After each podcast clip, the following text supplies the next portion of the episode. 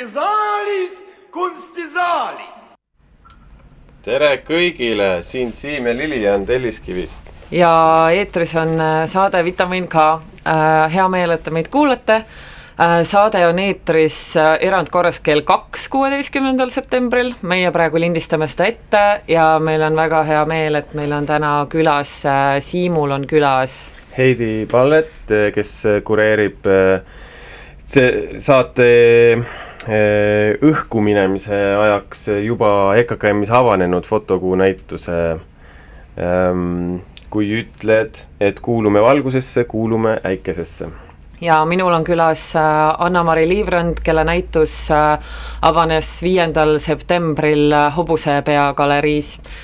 ta on üks mu lemmikkunstnikke, nii et mul on väga hea meel teda saates teises pooltundis tervitada Lilian, kui äh, kunstirohke oli sinu äh, suvi? Äh, see oli nagu niisugune laorohke et ma näitustel võib-olla liiga palju ei käinud, aga niisugust taustatööd oli päris palju. Aga jah, nüüd septembris hakkab täie hooga kogu kunsti äh, trall pihta, et meil on siin fotokuu ja samuti on Kai kunstikeskuse avamine ja fotokuu satelliitprogramm ning veel igasuguseid asju, et äh, tuleb kuidagi navigeerida kogu selle vahel, aga tä-, täitsa tore on see, et äh, Tallinnas ka toimub niimoodi mm. intensiivselt mingeid asju ja et on, mille seast valida. oh yeah, ja on, millest ilma jääda mm. -hmm. mina pean tunnistama, minu suvi oli väga kunstivaene ja ma nautisin seda väga, ma isegi ähm, rääkisin ühele tuttavale kunstnikule lihtsalt, aa, mis sa maal teed, teen seda, teen toda, siis rääkisin, et putitan võrri ja siis see kunstnik, sõber küsis, et oo, kas see on sul mingi järgmine kunstiprojekt? Ja siis mul oli niisugune tunne, et ma tahaks talle lihtsalt kõrvakiilu anda. et äh, muidugi kunstniku või kunstitöötaja tööaeg äh, ongi poorne ja paistab, et sa oled äh, igasugusel hetkel tööl, aga mõnda asja äh, Äh, või palju, ma loodan, et paljusid asju tehakse ikkagi lihtsalt äh, hobi korras või, või mingitel muudel põhjustel, mitte et see on jälle mingisugune järgmine kunstiprojekt. Jah, eks äh, sinna vahele on päris keeruline piire tõmmata ja võib-olla see kunstiprojekti tegemine on ka see, et äh, näiteks nagu Flo Kasaar oma majamuuseumit, et kuigi see on ta kodu, siis ta võtab seda kui kunstiprojektina, sest et äh, muuseumina sa saad ka näiteks toetuseid, mida sa näiteks eramaja restaureerimiseks ja renoveerimiseks ei saa, et niisugune nagu hallaladel mäng ja niisugune piiride katsetamine. no ja noh, selle nimi on Flo Kasaru majamuuseum, ma arvan, et see on ikka, see on ikka no aga võib-olla Siim Preimani äh, Suvevõrr on järgmine projekt, mida me kuskil kunstihoones näeme, kuigi kunstihoones on tegelikult juba olnud mototeemaline näitus Marko ja, Laimre suvest, nii et seda ilmselt üle trumbata on natukene keeruline. Aga enne kui me lähme külaliste juurde, mina olen seekord kaasa võtnud kolm pala oma lapsepõlve, nooruspõlve lemmikbändilt Fugazi, kes on siis äh, USA idaranniku punkarid, straight edge tüübid, kes eh, tegid oma kontserdid piisavalt odavad, piisavalt varasel kellaajal, et ka alaealised neid külastada saaks. ja müüsid plaate oma label'i alt võimalikult odavalt, et see oleks kõikidele kättesaadav ja midagi nendes on, ma arvan, eh, vähemalt mina tunnen, et, eh, et see on nagu muusika, mis resoneerub ka minu mingisuguste aktivistlike ambitsioonidega, sest mulle tundus, et kui rääkida Heidiga, kelle äh, EKKM näitus kõneleb ka tegelikult äh, äh, otsapidi ökoloogilistel teemadel, et siis võib-olla nagu sobib soundtrack'iks. No aga kuulame siis muusikat. Ja võib-olla veel väike info, et äh, Siimu intervjuu Heidiga on inglise keeles, loodame, et see kedagi ei häiri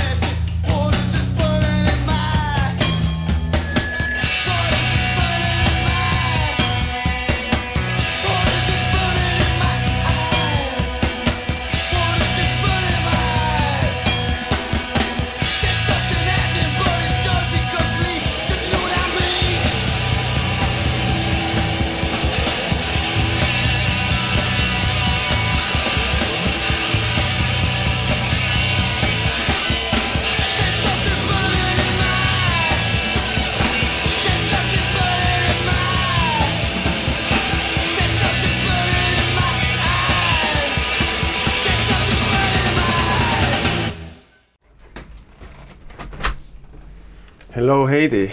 Hello. Um, you're back in Tallinn. Yes. Uh, so which route? Uh, I know you travel slow. Uh, so which route did you take this time? Well, this time uh, I came from Brussels and not from Berlin. So I took a train from Brussels to Cologne, Cologne to Hamburg, Hamburg, and then I had a trouble in Hamburg because normally I go from Hamburg and then there's a really interesting point going to Copenhagen when the train goes on a ferry. This is really exciting. but unfortunately, this time I couldn't take that route because I missed the train in Hamburg due to delay. So I had to go to, from the other side of Denmark into Copenhagen. Then I took actually an extra day in Copenhagen. Um, and then went to Stockholm, and then in Stockholm took the ferry. Yeah. So it's actually you can do um, Brussels, Copenhagen in one day, and then uh, yeah, the train between Copenhagen and Sweden is only five hours, so it's quite easy. Yeah. Okay. So the whole trip took you. Um, normally I need a day and a half, more Mhm. or less. Uh, now because I took an extra day, it was two and a half, more or less. Yeah. Mhm. And how are you uh, with uh, sleeping on the road? Because I I hate uh, sleeping while I'm sitting in a chair of a bus or a train or. Yeah, so the thing is with uh, Tallink, they have, of course, the, the cabin, so you can easily sleep there. Um, and then I sleep in a hotel, either in Copenhagen or in So you um, still Stockholm. take like a nap break during the Yeah, the yeah. trip Yeah, I where you think- can be horizontal. Sure, yeah, yeah. I think I think you need to take one night in a hotel. Mhm. Um, I'm not even sure if it would be possible to travel through the night, but I think if if you don't build in uh, proper nights of sleep, then it's it would be really impossible to do this kind of travel. I Mm. think, yeah. A little bit about uh, your work. Um, I was reading the booklet for your upcoming show. Um, when you say we belong to the light, we belong to the thunder, which opens in EKKM. Mhm. Um, and it seems um, that um, the use of land and the ownership of land are quite important topics in this exhibition. And um, I think uh, you've been working with these ideas already before, for example, in the se- exhibition series Our Ocean, Your Horizon. Uh, sometimes curators, at least I myself, I see a sort of um, DNA or kind of like um, a, logical procession from one exhibition to the other. So is um, is the Thunder exhibition a continuation of uh, of a previous kind of uh, train of thought? You know, it's really nice when someone actually says that to you because very often you're just working and you're not even realizing there's a link. But now you're saying, yes, there is a link, exactly. I think um, I have a special um, research interest in nation states. And this comes out in this exhibition as well because the belonging part is actually quite important. It starts from this idea of belonging and belonging to a certain place and the kind of mythology that's that's built around this. So um, indeed, I did an exhibition series in 2016 called uh, Our, Our Ocean, Your Horizon, um, which looked at the possibility of belonging or having a, an identity to something that is not land. Like if it's possible to have an identity based on water, for example, to, to have an oceanic identity. Um, because actually, I think what I'm interested in is this thinking frame that we have that what we belong to could only be a nation state. It's only a place that has uh, borders. And um, for this exhibition, and also something I've been thinking about lately with the ecological crisis that we're having, we don't have the feeling we belong to the Mother Earth, even though that's like a really old understanding, and it, everyone knows what it really is. But when it when it comes to um, fighting climate change or dealing with things, we always think in nation states. We always think America is withdrawing from the Paris Climate Agreement. We think about there needs to be a collaboration, but to actually have another sense of belonging is very hard. And there's there's really good reasons for that. I think um, the nation state as a apparatus or as a as a system uh, has been really well developed, and a lot of mythology has been developed around this. So it's kind of logical also. Mm. We got straight to the straight to the real stuff uh, because this is this is a very uh, uh, nice journey that you're taking uh, visitors on, kind of like how how the um, pre-Christian idea of, of Mother Earth as something all encompassing uh, has arrived at this kind of chopped up uh, divided uh, landscape. And and coming back to slow travel, I think um, I've done it um not uh, always, but I've I've done it uh, often. And what I what I feel is the main difference is um, when you travel by air, you feel like teleporting. So Mhm, it kind yes. of you feel kind of removed or separated from the location that you end up in, as if they exist in in different worlds. Yeah. Uh, but if you go by land, you're crossing all these nation states uh, or these borders. Uh, but for example, if you're traveling along a river, then this very basic realization that the river doesn't stop. You know, it doesn't Mhm. become a Latvian river or an Estonian river. It's it's the same kind of body, uh, Yes. natural body. You even experience that when you change, uh, when you go from, uh, in my case now that I came, I, I went from uh, first into a German train into Brussels, and then you go into a Danish train. So even the train system, the language that they speak, and everything. And exactly, and with flying, you don't have that. You're just in one kind of thing, in one container. And I personally, I, re- I have a really hard time being in that space in the air because I find it uh, extremely confusing. Also, Yes, um, but you also write about how um, in '72, when the first blue marble photo was taken of Earth from space, um, you describe how when we say Earth, we think of this kind of abstract-looking, distant-looking sphere, and not the soil around us. So, so it's a very interesting, uh, interesting kind of conflict there, where flying removes us from the wholeness of the earth but then when you say earth you still imagine a single sphere or a single globe yeah. how d- how do these, thi- these things kind of even exist in in the same mind yeah guess? i think i think um i think i'm always very interested in perspectives like what's the point of view you're you're looking from um, and uh, I have to say, quite early on in the exhibition, or even before uh, I made a proposal for the exhibition, I was reading. Um, I was reading uh, Hannah Arendt's uh, *The Human Condition* or a part of it, and there was a part that speaks about Earth alienation. And she actually already in '58 she said that um, the fact that we send satellites into space and use this perspective to look at ourselves is going to create a sort of Earth alienation that is going to make us uh, have the possibility to destroy Earth with, without really feeling at home, without realizing we're, we're talking about ourselves, actually. And so I think a part of the exhibition started from this idea. Um, and I think this is for this reason the perspective stayed very important in the exhibition and in the research, but it didn't, it's it has expanded a bit and it's not the only starting point these days. Um, I also found back that um, that Bruno Latour is also talking about this, but then he talks a little bit different. He talks about the fact that um, indeed that this perspective that we have on Earth from a very uh, like a, distance far removed from Earth makes it impossible for us to think about Earth as, for example, a cut through of Earth, like to really be close to Earth and to see what we're doing.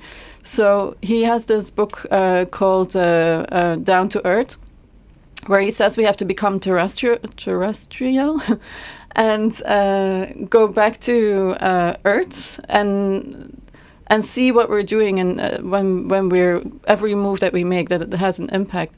I think. Um, yeah, I think this is quite quite interesting to think about what this distance is actually doing to us. Uh, Hannah Arendt speaks specifically about technology being actually in between us and um, between us and the earth and creating this alienation, which is which is actually becoming kind of a reality in our Mm, world. definitely Yeah. so you're advocating uh, a one world policy I think it would be very hard. uh, I think it's very hard Mm. to think that way because, of course, every nation state has developed the way it did, and um, if we want it or not, there's a very big colonial history that defines power relations in the world. So, so this is where the owning belonging uh, contradiction comes in because I think what you belong to as your home, you will not pollute in the same way that there's a territory that is not your home but you own it.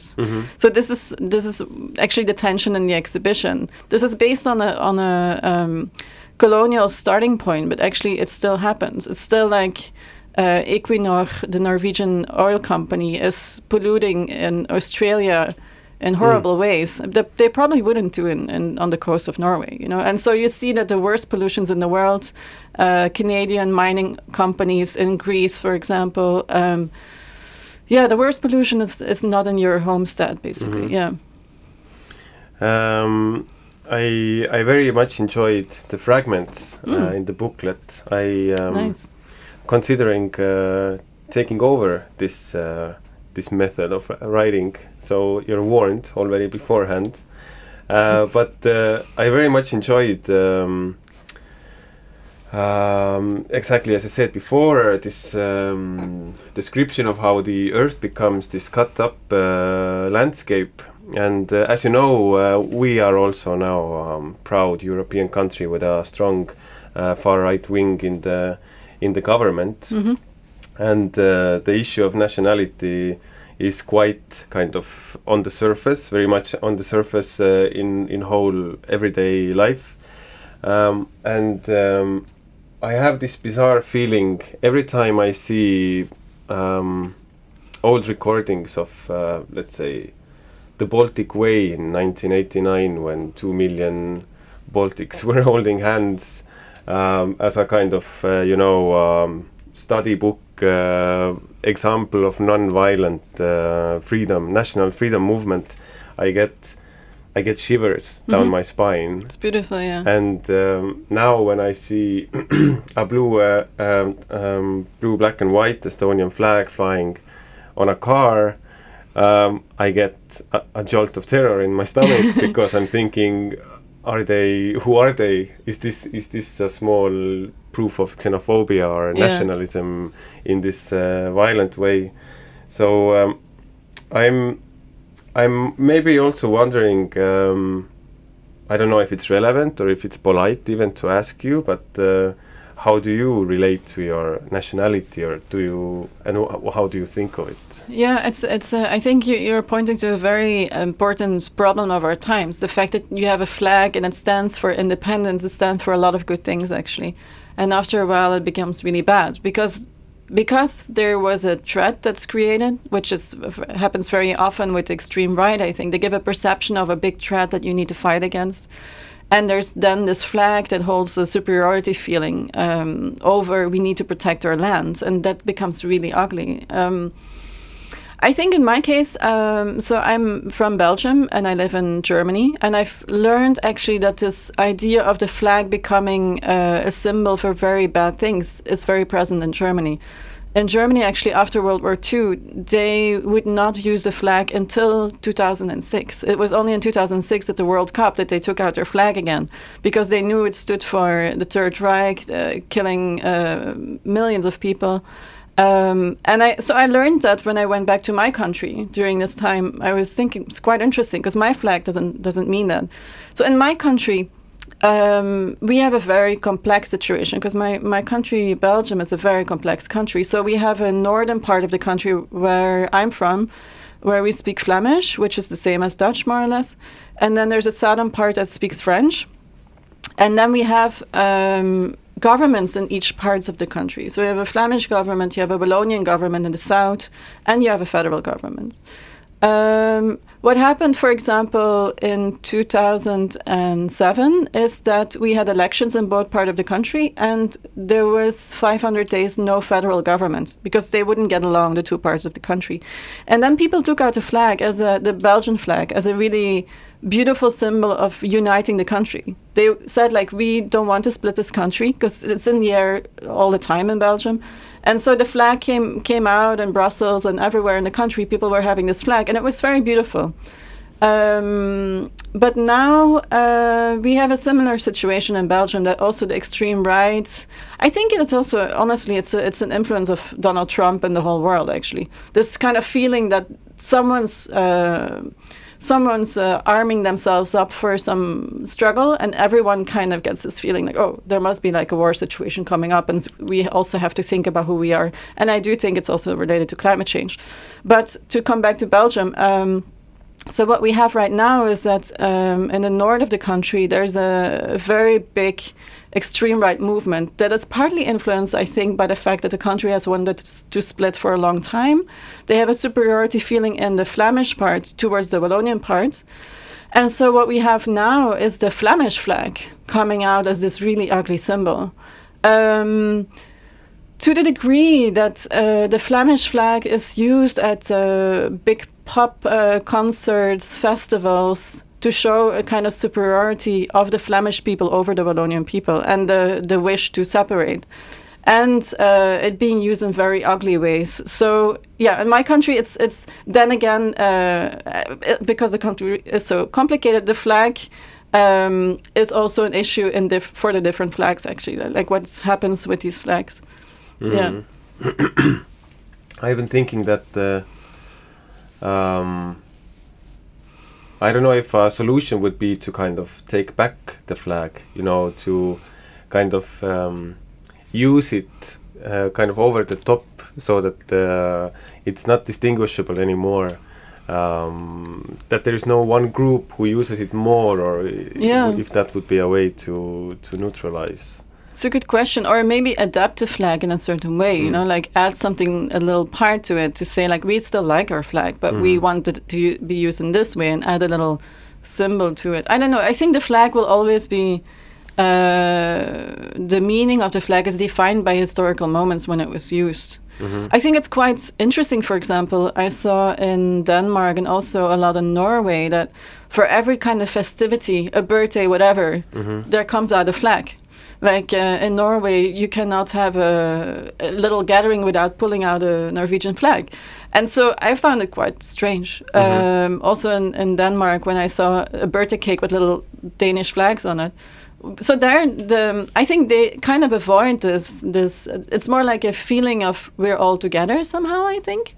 Mm-hmm. Mm, so that kind of is would be a use of the flag where it's not so loaded, I guess. What you mean, yeah. But then again, of course, there is a lot of myth making uh, tied up with uh, nation states, like uh, in Estonia, in case the 800 years of slavery and uh, and the golden prehistoric uh, Estonian state, uh, which we are not exactly sure what exactly, what happened yeah. before um, um, the Crusaders came here. But then it's like at a moment uh, you could say that it was a valuable and and useful tool, um, and uh, and the creation of the state brought along uh, kind of um, personal freedoms, etc. But um, it's it's really tricky point. I think where when does it exactly go uh, sour? Yeah, I, I think what I, what I learned from making this exhibition uh, and looking a bit more into nation state is that sometimes we think that the systems we live in and the imaginations that we have are um, have existed forever, but actually there was a really interesting moment in the middle of the 19th century, around 1856, where it was very common for all the nations of Europe to get their own nationalism and to really form nations uh, from this kind of very positive feeling, actually. And um, so before that, there was not this sentiment, actually, of. Mm-hmm. Of uh, forming a nation state, and, and I think a lot from of the imagination goes back to that moment. And so, what you then talk about in this moment when you form an, a national identity and how you form that, for example, by saying 800 years of slavery, I think, yeah, that's it's it's quite much debated because everyone had their own story at that point when mm-hmm. they became a nation. Um, every time uh, I meet uh, a nice person, somebody new, who I have half hour, hour long discussion, and we are completing each other's sentences. Uh, we're having a very nice time. The values are quick uh, clicking perfectly.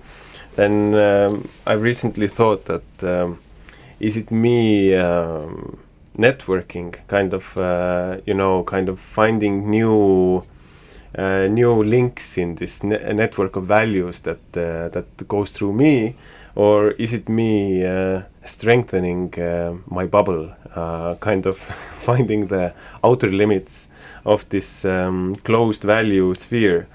And this is what I also wonder about um, art exhibitions. That it's just maybe I'm asking your opinion. What what do you think? How homogeneous or how how similar are um, the values and views of of the of the I don't know general art public audience. Hmm, that's a, that's a very good and very complicated question. no, because somehow we uh, I pose myself this question very often when I make an exhibition. Yeah, you kind of imagine a model Yeah. crowd Exactly. who you're who you're addressing. In a yes, sense. happily yes. I, I read in interviews that, that writers also have an ideal reader, you know, Mhm. so I guess I also have an ideal uh, audience. Although my audience, my ideal audience would uh, be interested, um, but not completely informed. I hope I can bring some extra information um, with an exhibition. Um, I think I do believe uh, that certain things are in the air. Actually, that that um, certain I'm very interested in dynamics somehow. That that you have certain dynamics in societies that certain people start to notice and um, wonder about, like uh, what it's like. So I think with uh, the exhibitions that I make, I, I want to um, I want to just um, maybe shed light or, or illustrate in some way certain dynamics that happen without saying they're good or bad, but just showing that that uh, it's only a dynamic that's happening. It's only this kind of thing that we're living in, which is only one type of reality that's that's bringing certain things. And what I also like to do is to say that in this local context, what's happening is actually quite global. It's a global dynamic that uh, that happens also in other countries. We're not the only ones in Belgium with uh, an, an upsurge of nationalism. It also happens in Estonia, for example. Uh, I didn't answer your question very well, Mm. did I? no, no, it's uh, it's like a thought exercise, because okay, thinking that you have this um, model public, uh, yes, it's uh, I do I do a similar thing when I'm putting together a show, but um, I found that you that you were part of a panel once called uh, "What Can Exhibitions Do?" ah, yes. and this is also something tied to to the previous question, I think. So so you so you so you assume that there is a um, not com- uh, interested but not completely informed public, but then um, what does the show do to the public? How much? Uh, because I I used to have this belief that an exhibition is, mm, let's say, an activist social platform, and uh, there there can be measurable results after the show has ended. But um, over the years, I have to say it's very difficult to measure uh, in that kind of scientific sense the uh, relation. So, uh, was there something um, good that came out of that panel, or or how how do you what do you think of the kind of the um, the role or active role of uh, exhibitions on the way. Yeah, I guess we're talking then about the social impact in some Mm. way, no? Um, uh, in the panel, actually, um, there, uh, I was talking with Chris Durkon, was one of the people who was very vocal in the panel, um, who said, "I don't believe exhibitions can do a lot. I also don't think exhibitions are going to change the world. I think uh, they're just um, a and moment." here we are making them. Sorry. And here we are making them. We are making them anyway. I think for myself, I find it hard not to speak about climate uh, change at this Mm. moment because I don't think it, that would be uh, doing justice to bringing certain important topics to the world. So if I think that that's really going to change something, I'm not sure. I could. I- I think it has a sort of soft power Mhm. exhibition. So people who feel something in the air get a kind of confirmation where they can see and how things work or see certain aspects of things that they think about. Mhm. I don't think. Uh, I think the real people at the power buttons that can actually change things, they're probably not going to come to the exhibition.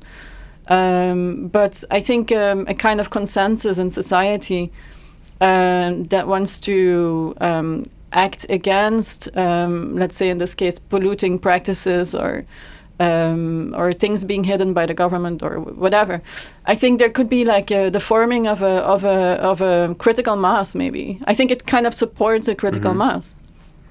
And then, yeah, what happens further? I don't know. I actually I've been posing myself this question a lot between 2017 and 18, and then I was invited to create a um, a very big public sculpture uh, triennial in Belgium, and we had massive amounts of visitors because it's just a very popular project. So we had um, officially they counted uh, two million visitors, and, and because it's also a lot of tourists that somehow get attracted to the thing. Uh, and you feel a complete different feeling when you do this kind of show. And then also, I think you have to adapt your language because the language that we use in our exhibitions, you and me here, uh, the exhibitions made in Thailand, I think it's a very sophisticated language with words that a sort of informed audience uses. Um, and I think for um, making the public sculpture, then, for example, I just wanted to f- have everyone feel included. So I, you don't bring like really heavy top, you know, topics there. You don't try to be activist. I think you just adapt to the audience that you think you're getting, and then try to not scare them away. I think that's very important. Uh, my final question is um, I, I'm hoping maybe you can recommend me a book. Oh, And um, I'm actually interested in a book uh, that will not be of use in any uh, project. No quotes to be found in the book.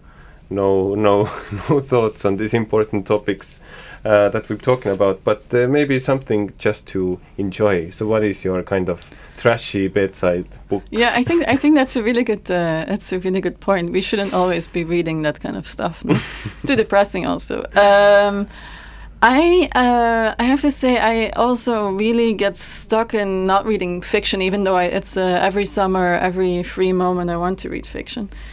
Um, what's my trashy book? I can't even remember that I read a trashy book recently. Um, but I'm reading On Trials, uh, Trails, sorry, On Trails, I always pronounce it wrong, by Robert Moore. And he's talking very simply about how trails are made in the forest, how people walk next to the trail, or like all kinds of stuff you can sh- think about trails. And this is a quite a nice book because it's kind of emptying your mind and at the same time also thinking about ways of people following a mass in some way. So it's opening a lot of um, thinking uh, rooms in your head. So I, I kind of like reading that book. Yeah. I think. Perfect. Yeah. Thanks. So um, Thank you for everybody, having me.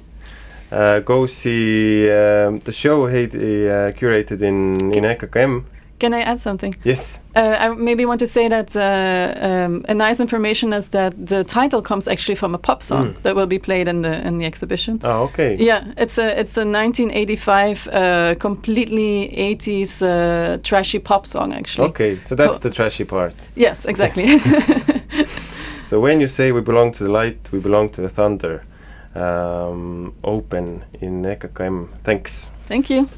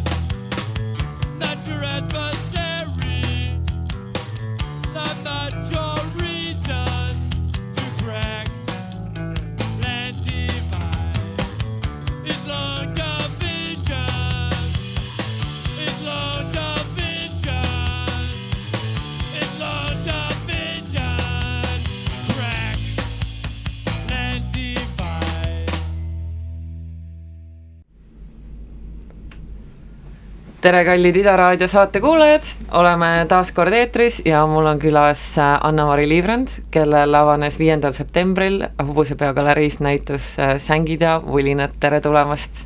tere, Lilian, tänan kutsumast! Uh, olen ka varem su teostes, näiteks need CD-joonistused, mida eksponeerisid näitusel Post-Winter Mixtape, märganud, et käib läbi sõna sulin, vulin, virvendus, solin, inglise keeles on sellele vaste ripple, et su viimase näituse pealkiri on ka sängid ja vulinad. kas sellel sõnal või nähtusel on mingisugune kindel tähendus sinu loomingus või kuidas see, miks on niimoodi, et see tihtipeale läbi käib? Äh, ma arvan, et minu jaoks äh, need erinevad veekohased sõnad võib-olla on huvitavad sellepärast, et et need nagu loovad peas mingi igasuguseid erinevaid kujutluspilte, et milline see vesi siis välja võiks näha, et milline on ta sulisevalt ja milline on ta vulisevalt või et milliseid vorme ta võtab nagu läbi selle sõna. Ja samas nagu need virvendused ja sulinad, kõik on nagu mingid sellised muutumises olevad sõnad et samas nagu näitused on pigem sellised staatilised, et siis võib-olla kutsuda esile nat-, natuke nagu mingit sellist emotsiooni ka mm. -hmm. Uh, hobusepea isikunäitusel, nagu sa juba mainisid, on oluline koht vedelikel ja vedeliku eri vormidel just, et veevormide efemeersusel ja muutumiskäigul, et uh, kuigi vesi uh, mõjub sinu käe alt tulles nagu väga õrnalt ja mitte ainult vesi, vaid ka ülejäänud materjalid, mida seal näitusel kasutad, näiteks seep ja šampoonid ja nii edasi, et siis tegelikult äh, on vesi ka väga niisugune ohtlik ja hirmutav, kui me räägime näiteks ookeanitest ja suurematest veekogudest, et äh, selle mõttekäiguga jõuan ma sinna, et äh, kuidagi väga päevakajalisse teemasse ikkagi, mil, mida puudutasid ka Siim Preimann ja Heidi Pallet oma eelmises pooltunnis, mis on äh, keskkond ja et kuidas äh, inimene mõjutab keskkonda. et äh, sina tegeled enda näitusel äh, kaduvuse ja säilitamise teemaga, aga tegelikult inimesed tege-, tegelevad äh, iga päev enda ümber enda keskkonna hävitamisega et äh, selle pika jutuga ma tahangi jõuda sinna, et äh, kuidas sa üldse suhtud, ma tean, et sinu loomingus on oluline koht säilitamisel ja säilivusel ja sa mõtled sellele ja kaduvusele, et kui oluliseks sa üldse pead seda, et äh, inimesed säilitaksid enda ümber äh, neid asju, mis siin on, alates arhitektuurist kuni mingite isiklike meeneteni näiteks? sa nüüd mõtled seda äh,, draakoni galerii näitust ikka, mis praegu lahti läks? jaa, jaa vabandust, ma ütlesin hobusepeaga, tegelikult on see draakoni galeriis. Ma arvan, et mind nagu niivõrd ei huvita see, et, et et inimesed säilitavad neid nagu asju nende ümber, aga mind huvitab see säilitamine või säilimine sellisest isiklikust plaanist, et mis on nagu inimestel oluline ja et mis nagu rituaale luuakse selle ümber, et enda jaoks mingeid mõtteid või või esemeid äh, säilitada, et mis võib-olla tunduvad nagu natukene absurdsed et äh, samas nagu inimesed äh, noh, käituvad minu arust nagu üpriski nagu radikaalselt ka selles osas, et kas või minnes, minnes siis iseenda säilitamise nagu, nagu krüogeenikas, et kus lõigatakse ennast lahti ja lastakse säilitada, et ehk tulevikus leiab mingi lahenduse sellele, aga ma arvan, et laiemalt ühiskonnas see et ma ei ütleks, et äh, ma, et inimesed peaksid nagu säilitama, aga ma arvan, et see minu jaoks võib-olla ongi nagu selline äh, äh, nagu mitte noh, kriitika selles suhtes, et inimesed nagu tõesti ei taha nagu muutuda, et nad tahavadki ainult seda säilitada ja nad tahavad seda, ka seda praegust olukorda säilitada, et millega, milles meil ilmselgelt ei ole võimalik jätkata. et äh, üritatakse leida igasuguseid äh, kõr-, teha mingeid kõrvalhüppeid äh,, et mitte vaadata sellele kliimamuutusele otsa ja et see selline äh, seisundi või mingi status quo hoidmine on ikkagi väga nagu äh, suur pingutus inimeste jaoks mm. -hmm. Äh, näitusel olevatest CD-joonistustest leiame vihjeid ka teadusillustratsioonidele, eriti pöörad sa tähelepanu illustratsiooni stiilile äh, Äh, mis on teadusillustratsioonide puhul erilist, mis sind paelus ja inspireeris, et see on ka teema, mis on juba mõnda aega tegelikult su loomingust äh, läbi käinud? et see äh, tundub ka niisugune nagu seisaklik motiiv natukene, et ma ei tea, kui palju, ütle sina, kui palju on teadusillustratsioonid äh, muutunud just stiililiselt näiteks aja jooksul? no need, mida ma tänapäeval olen äh, teadusillustratsiooni valdkonnas näinud, et need on kindlasti rohkem sellised 3D maailma, maailmse kesksed uh, -huh. et ehitatakse pigem selliseid äh, mudeleid ja noh, võib-olla nagu natukene keerulisem või ei juleta väga fantaseerida selle üle, et milline siis see molekulaarmaailm nagu täpsemalt on, kuigi no ega tegelikult ikka seda teeb ka see 3D renderdus.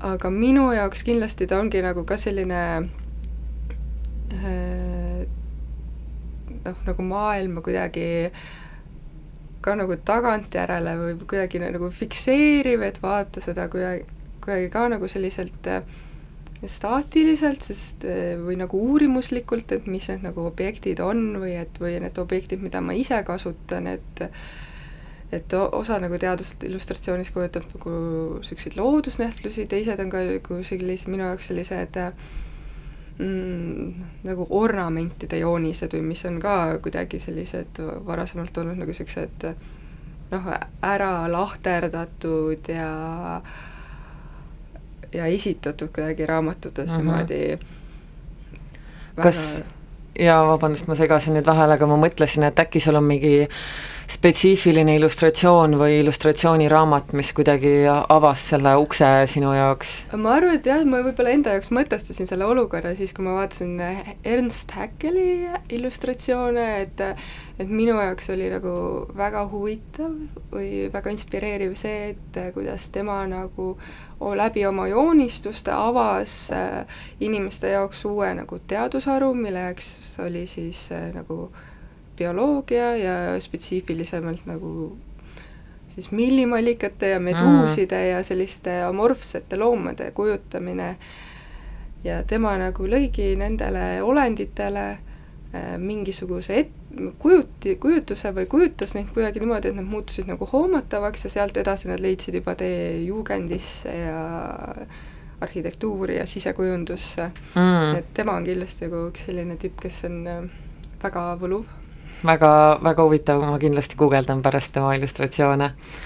Äh, aga räägime veel sellest kaduvuse ja säilitamise teemast, et äh, kuidas sa üldse selle teemani jõudsid, et sul on tegelikult taust äh, skulptuuris, kus kasutatakse tihti vastupidiselt kadumisele just väga tugevaid ja kauasäilivaid materjale, küll aga skulptuuride puhul toimub aja jooksul tihti transformatsioon algupärasest, et materjali värv või pealiskiht muutub, võib muutuda asukoht ja veidi ka vorm, et juhul, kui tal mingid detailid näiteks kuluvad või küljest ära kukuvad et äh, räägi natuke jah, et kuidas sa jõudsid äh, skulptuuriõpingutest selle säilimise teemani? no kindlasti oli nagu oluline minu jaoks mõtestada, et mis asi see skulptuur tänapäeval on ja ma arvan, et et see on ikkagi väga lai eriala praegu. Ja minu jaoks just nagu pakuvadki huvi siis vastandudes sellele varasemale praktikale, et et kasutada materjale, mis võib-olla ei ole enam nii stabiilsed ja on kaduvad, ehk siis see muudab ka sellise skulptuuri enda selli-, noh, pigem selliseks hetkeliseks või et mõtestab seda, et mis ta siis ise olla võib, et kas ta on, kas ta on mingi hetk, mingisugune tegevus, mis on rakendatud mingile objektile, mis kuidagi selle aktiveerib, äh, või siis oluline on kindlasti ka ruum, et mismoodi objektid ise üksteise vahel seda ruumi loovad või et tekitavad seal mingisuguse äh, tund, tunde. Ja minu jaoks võib-olla sellised äh, haprad ja efemeersed asjad nagu loovad seda ruumi üpriski intensiivselt, et võrreldes äh, võib-olla mõne tugevamast, vastupidavamast materjalist loodud esemega mm. -hmm. et jah uh -huh. kuigi mulle endale tegelikult meeldivad ka need äh, traditsioonilised materjalid, marmorid ja pronksid väga, et et seal on kindlasti jah, huvitav see, et kuidas et Veneetsias on alati väga tore käia ja vaadata, kuidas see marmor on ikkagi nagu ära kulunud nende inimeste astumiste peale, muutunud siledaks ja läikivaks et et ta ikkagi noh, et kuidagi see ikkagi muutub läbi ka nagu mingit sellise tegevuse või uh -huh jaa. Äh, minu meelest ka marmor on väga võluv materjal ja samuti ma avastasin enda jaoks üks päev äh, lihvitud äh, betooni, mida näeb nüüd äh, Kai kunstikeskuses, mis avatakse kahekümnendal septembril, et terve see suur galerii põrand, mis seal on, on lihvitud betoon.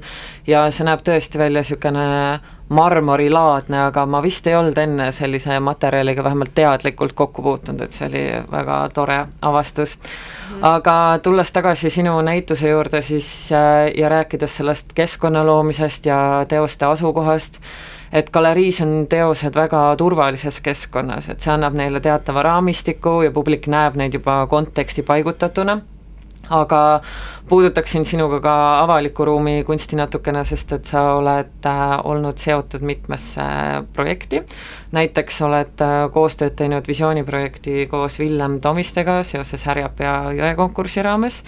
Ja oled ka osalenud Katariina Gregorši näitusel Riik ei ole kunstiteos, monumendi teemalise teosega, et äh, võib-olla sa räägiksid natuke lähemalt kas sa kuidagi näed avaliku ruumi kunsti teistmoodi kui näiteks galeriikeskkonda ja et kas see on rohkem väljakutseid pakkuv või kuidas sa enda jaoks mõtestad ja kas sinu jaoks üldse on oluline, kas see asetseb ruumis või väljas kuskil? mulle tundub, et äh, et publik on pigem äh, julgem galeriikunsti suhtes, et äh, sealt oodatakse, et kohtumisi tundmatuga, et äh, inimesed on pigem ettevaatlikumad, kui kunst jõuab avalikku ruumi, et siis mulle tundub, et võib-olla tahetakse teha nagu liiga suurt üldistust, et tahetakse nagu mingit sellist ühte objekti, mis võtab kokku nagu mingisuguse terve aja või terve mingi intellektuaalse väljaga, sellist asja nagu väga keeruline saavutada.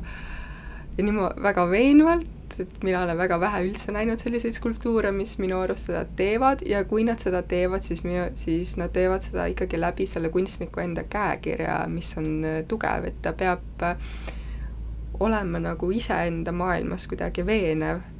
et see ja et see on okei okay,, et, äh, et kunst aegub, et ta ei ole võib-olla mingi hetk enam nii trendikas aga et ta võiks olla nagu selles aja, ajahetkes nagu täpne, et siis on teda huvitav vaadata ka järgnevatel äh, siis põlvkondadel või noh, kellel iganes mm, -hmm. et ta et ta nagu fikseerib mingisuguse ideoloogia või mingisuguse mõttemaastiku, mis nagu parasjagu sellel hetkel jah.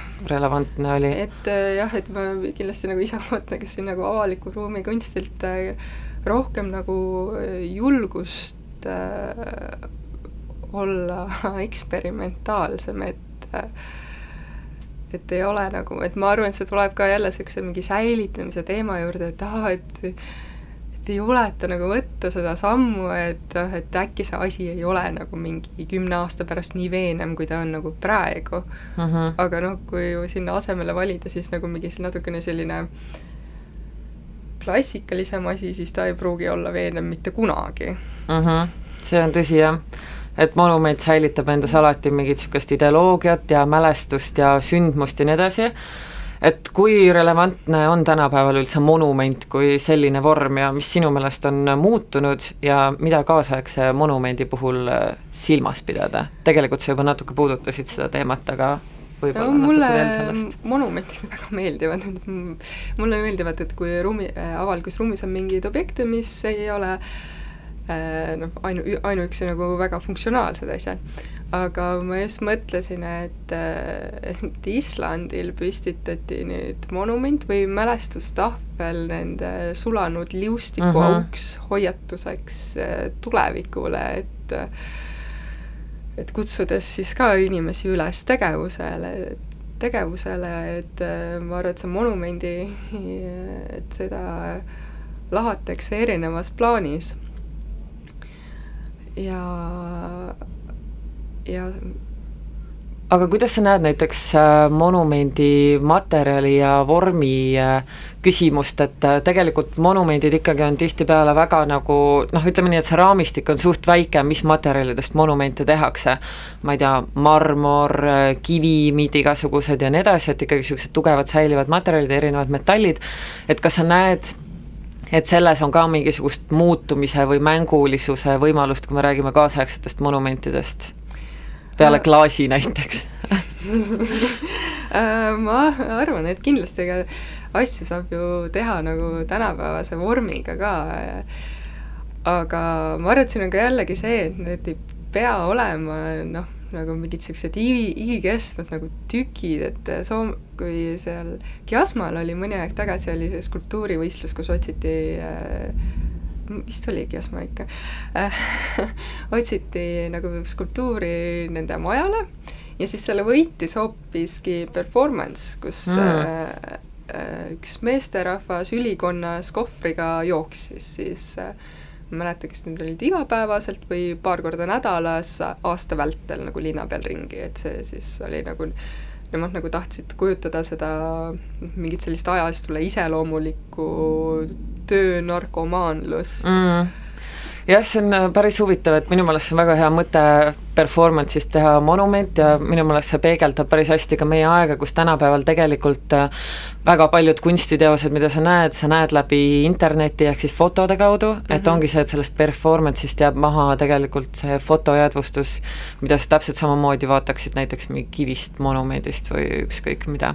et väga tore, ma ei olnud kuulnud sellest, aga mulle väga meeldib see mõte aga tagasi tulles su näituse juurde, et üks näituse kesksetest teostest on pind, mis on valmistatud äh, inkrustatsioonitehnikas, inglise keeles inlay, et äh, räägi sellest tehnikast ja teosest veidi lähemalt, et sa kasutad seal niisuguseid igapäevaseid materjale versus see, et tavaliselt kasutatakse inlay tehnikas siis äh, väärismetalli ja võib-olla nagu rohkem niisugust väärismaterjali, et neid süvendeid täita, sina kasutad šampooni, seepi, niisuguseid asju, et võib-olla ma tahaks natukene puudutada seda materjali hierarhia teemat mm. -hmm. Ma arvan, et ka selliste traditsiooniliste tehnikate kasutamine on mul nagu loomingus üpriski läbiv või et äh, segada neid kuidagi mingite selliste tänapäevaste materjalidega, millel on ka justkui nagu sarnane kvaliteet, et kui sellel äh, inkrustatsiooni puhul on ka kasutatud selliseid vääris äh,, vääriskivimeid, mis on siis puidu sisse äh, pesadesse paigutatud, siis minu jaoks ka nagu mingid sellised äh, šampoonid või pesuvahendid või kosmeetikatooted on ka üpriski nagu sellised dekoratiivsed ja ma arvan, et need kvaliteedilt võib-olla on väga nagu sarnased sellele, mida inimesed otsivad, on otsinud nagu marmoris või et või muudes vääris, vääriskivimites, et seal on nagu sellist mitme, mitmekihilisust ja tekstuuri ja sügavust, et see on kindlasti nagu selline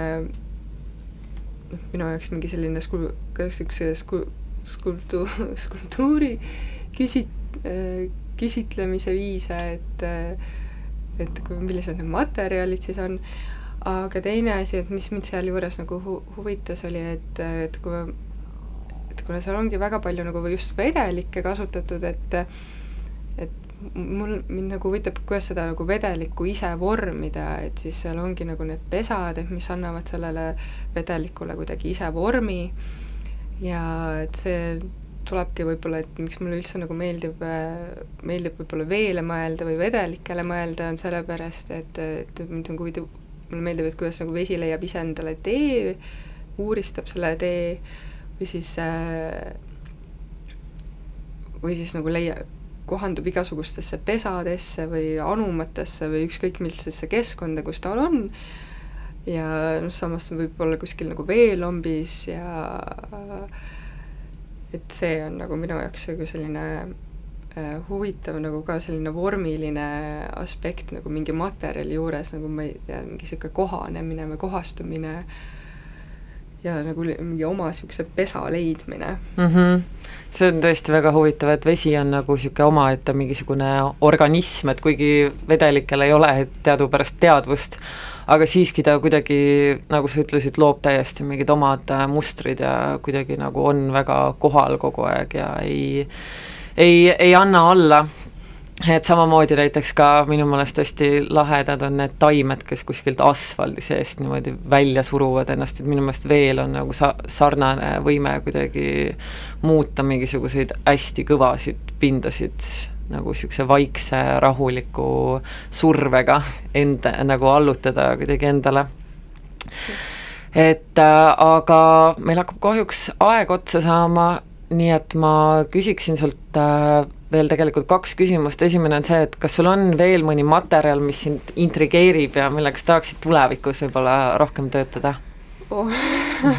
see varasalv on küll nüüd suur, et tegelikult, et et kui me oleme siin rääkinud ka sellest monumendist või monumentaalsusest, et mind ikkagi väga huvitavad need pronksid ja marmorid ja et äge oleks seda ka tuua nagu iseenda kunsti, et võib-olla siis nagu ka nagu pigem nagu sellisest äh, perspektiivist, et mida ma olen kasutanud, mis on selline habras nagu, pigem nagu habras keel, siis mulle väga meeldivad tegelikult erinevad äh, söögid või et äh, mm. mind huvitavad, noh, mulle meeldib ka, et millised tekstuurid neil on ja et äh, et ka need võivad nagu mõjuda väga dekoratiivselt, et ka noh, et just nagu võib-olla tänapäeval, või no mitte tänapäeval, see on nagu läbi aja on ikkagi nagu ka söögil olnud mingi oma esteetika, kuidas seda peab esitama ja et kuni mingi kaheksakümnendate naljakatest tarretistest mm -hmm. siis tänapäeva selliste Instagrami toidukesteni välja mm. -hmm. kas, äh, kas on äh, järgmisel näitusel plaanis midagi tarretada ära võib-olla küll. ma olen neid äh, tarretamise asju nagu proovinud küll, mitte küll äh, noh, päris nagu söögiga, aga praegu ei ole, praeguse seisuga ei ole veel päris nagu kunsti jõudnud, aga noh, samas ma arvan, et ka selline tarre, tardunud või tarretamine on ka mingi niisugune läbiv mõiste üldiselt mu loomingus või et mulle nagu tundub, et see võiks iseloomustada seda mm. -hmm. See on äh, väga hea niisugune lõpulause, aitäh, Anna-Mari, sulle saatesse tulemast. Äh, sängid ja vulinad on Draakoni galeriis avatud kahekümne esimese septembrini. jah. jaa, nii et minge kõik vaatama ja näeme varsti jälle